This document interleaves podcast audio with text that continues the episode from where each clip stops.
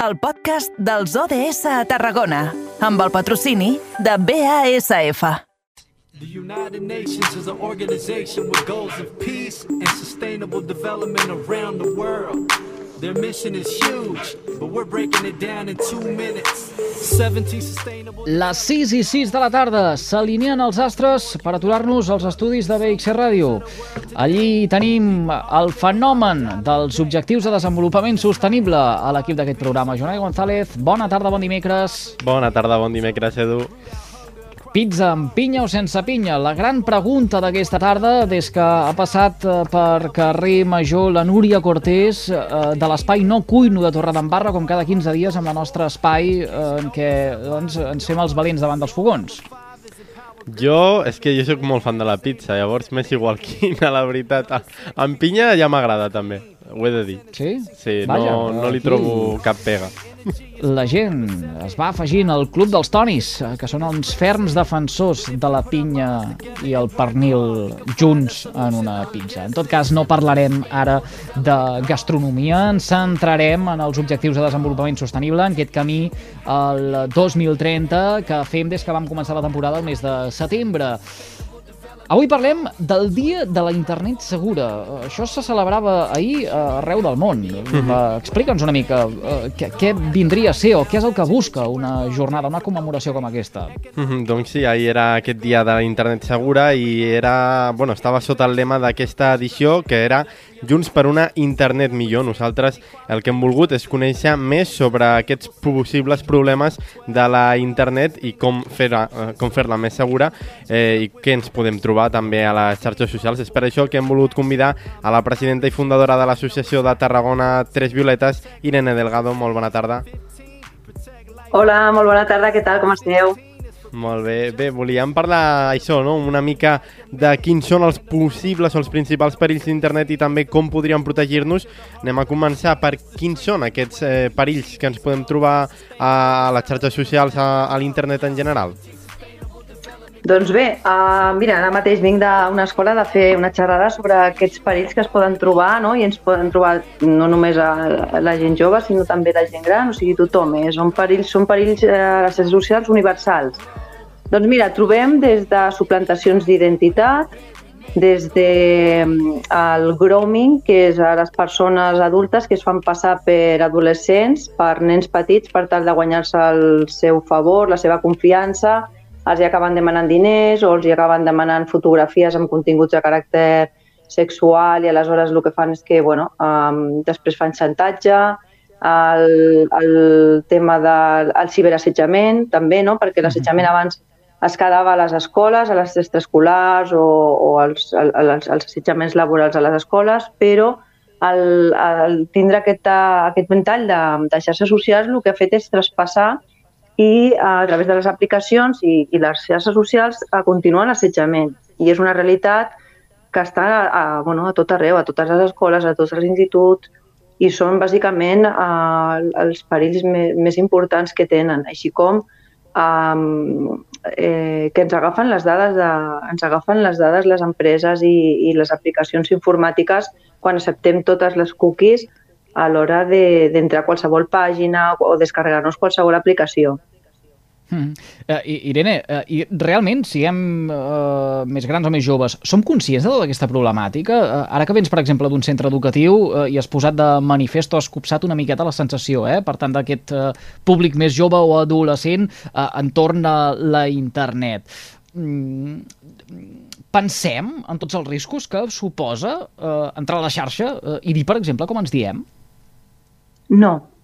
No som conscients, eh, però inclús jo mateixa, eh? o sigui, jo cada dia estic aprenent més, eh, en el sentit de que mm, jo mateixa com- vaig comprar, per exemple, us explicaré, eh, una Alexa eh, perquè volia regalar-li al, al meu fill i després eh, ja l'havia comprada i vaig llegir un article no? en el qual pues, deia que aquests tipus d'intel·ligència artificial realment es podien connectar en remot sense la teva autorització. Inclús l'empresa mateix, ho dic i dic el nom perquè l'empresa mateix ho va reconèixer, de que eh, escoltava, eh, tot, i, tot i que no se li feia cap pregunta ni estava interactuant amb la persona que l'havia comprat. No som conscients, no hi ha aquesta consciència o, o, o si, o si n'hi ha, eh, no en les magnituds ni, ni, ni en les dimensions que realment existeixen. Per exemple, jo recomanaria molt de Netflix a un documental que hi ha que es diu El dilema de les redes, en el qual fa la següent reflexió.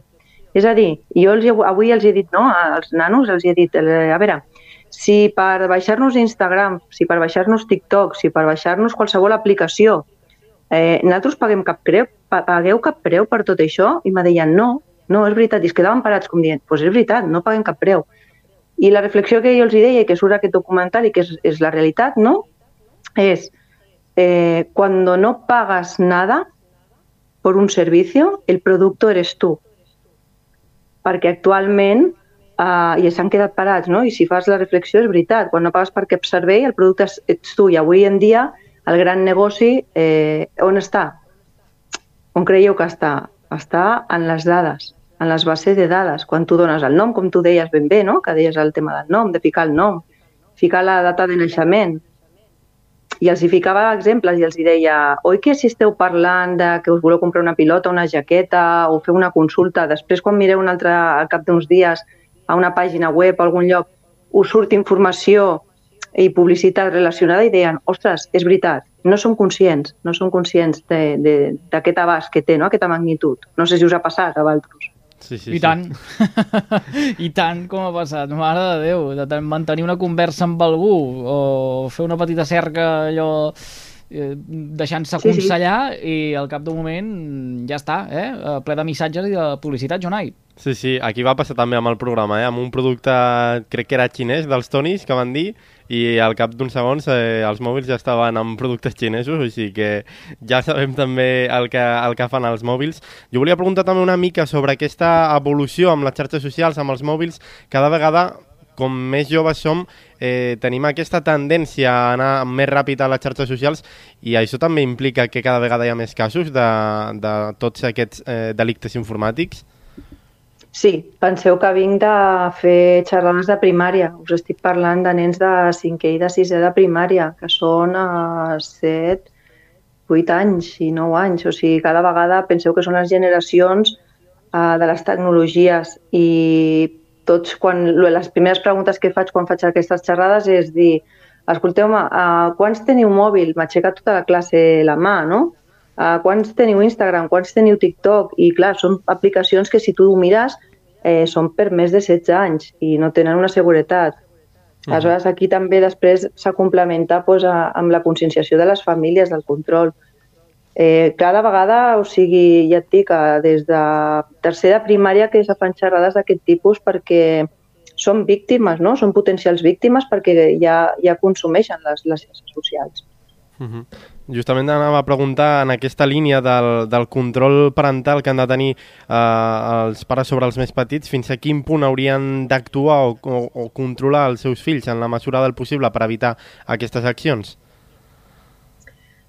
Doncs això és molt complicat. És complicat en el sentit de que, bueno, eh, normalment, actualment, els pares eh, treballen, els ritmes frenètics que es porten i de vegades és, és, és, és complicat. A més, també ells tenen la pilleria no? de, de connectar-se també quan, bueno, quan, quan, no- quan no els veus i, per exemple, no passa molt, molt sovint no? que ens ho m'ho comenten els pares. Doncs mira, jo recomano als pares que ens estiguin escoltant i les famílies que ens estiguin escoltant a les aplicacions que hi han de control parental en la qual tu pots eh, no només establir el timing eh, que dediquen a les xarxes socials de connexió cada dia, sinó que més la, eh, hi ha algunes que et permeten inclús eh, específicament, per exemple, a Instagram eh, en mitja hora, a Facebook un quart d'hora, a YouTube a mitja hora, una hora. Lo recomanable és, eh, segons els neuròlegs, els neuropediatres i tot això, és una hora com a màxim al dia i eh, mai una hora, hora i mitja abans d'anar-se'n a dormir. I existeixen totes aquestes aplicacions que fan fàcil eh, aquesta gestió, inclús acordar-ho amb ells, no? I, per exemple, dir-li, doncs mira, sí, tens accés al mòbil, tens això, però jo en qualsevol moment puc consultar-ho i, i arribar a un acord, no? Dialogar i arribar a un acord i, i aquestes aplicacions la veritat és que funcionen bastant bé. Eh, Irene, però, però clar, hi, hi ha una cosa que mm, no, no sé si mm, també entra en el debat entorn de les xarxes i l'ús d'internet eh, de les famílies, que és que per molt que jo li digui eh, o que reguli l'ús d'aquestes noves tecnologies amb el meu fill o filla, això no vol dir que no hi sigui present. És a dir, jo puc estar dient que no, però després com que tota la resta sí que està endollat, amb una simple fotografia tu pots acabar eh, traslladant o penjant a internet dades Sí, sí. d'algú que ha, ha decidit no compartir-les. I tant, i tant. A, a, a més, és que avui ja et dic que ho tractava, això, el tema de, de l'etiquetar persones i, i pujar-les o suplantar identitat o fer un Photoshop i que és el, el, el sexting i pujar una fotografia, traslladar-la o pujar-la. Eh, no, no està accent. El tema està, el que estàs fent amb aquestes aplicacions és regular uh, un, un control perquè no hi hagi una addicció futura o no hi hagi un, un consum excessiu de les xarxes socials. El perill, els perills existeixen. Aleshores, aquí ja entra el que és l'educació i el que és la prevenció, que és doncs, bueno, el que jo intento quan vaig a les escoles i al, i a parlar amb les famílies que em fan les consultes o amb els adolescents, no? de dir, mireu, aquests són els perills que existeixen a les xarxes socials i, i d'aquestes maneres, amb aquests recursos i, i amb aquestes formes d'actuar, doncs podeu previndre i, i educar-los, no? Perquè, clar, és el que tu dius, eh, ho estan consumint, estan, estan fent-ho, estan entrant i estan, estan xatejant i, i utilitzant aquestes aplicacions. Els hi donem recursos per, per detectar el que, el que pot ser un perill per ells. És l'única solució. Uh -huh. També parlem en, en aquests casos de, de, de la salut i de la salut mental que moltes vegades suposa aquest eh, denominat hate a les xarxes socials, per exemple, de persones que opinen de, del cos d'algú sense tenir cap dret i, i, de, i de moltes crítiques a aquest ciberbullying, a aquest ciberassetjament. Eh, també és important remarcar això perquè és important tractar la salut mental des d'aquest de, des punt de vista. Home, és que la salut mental i sobretot arrel del confinament als adolescents eh, i als nens els ha afectat moltíssim. És la segona causa de mort ara mateix al suïcidi entre, entre els adolescents. Uh, hi ha hagut una tendència a l'alça a les addiccions a les xarxes socials i als videojocs. Per què? Perquè, clar, més temps confinats, més temps a casa, eh, com se va, avui m'ho deien, ¿no? Eh, bueno, a mí me sirve para evadirme de, de, de que tengo.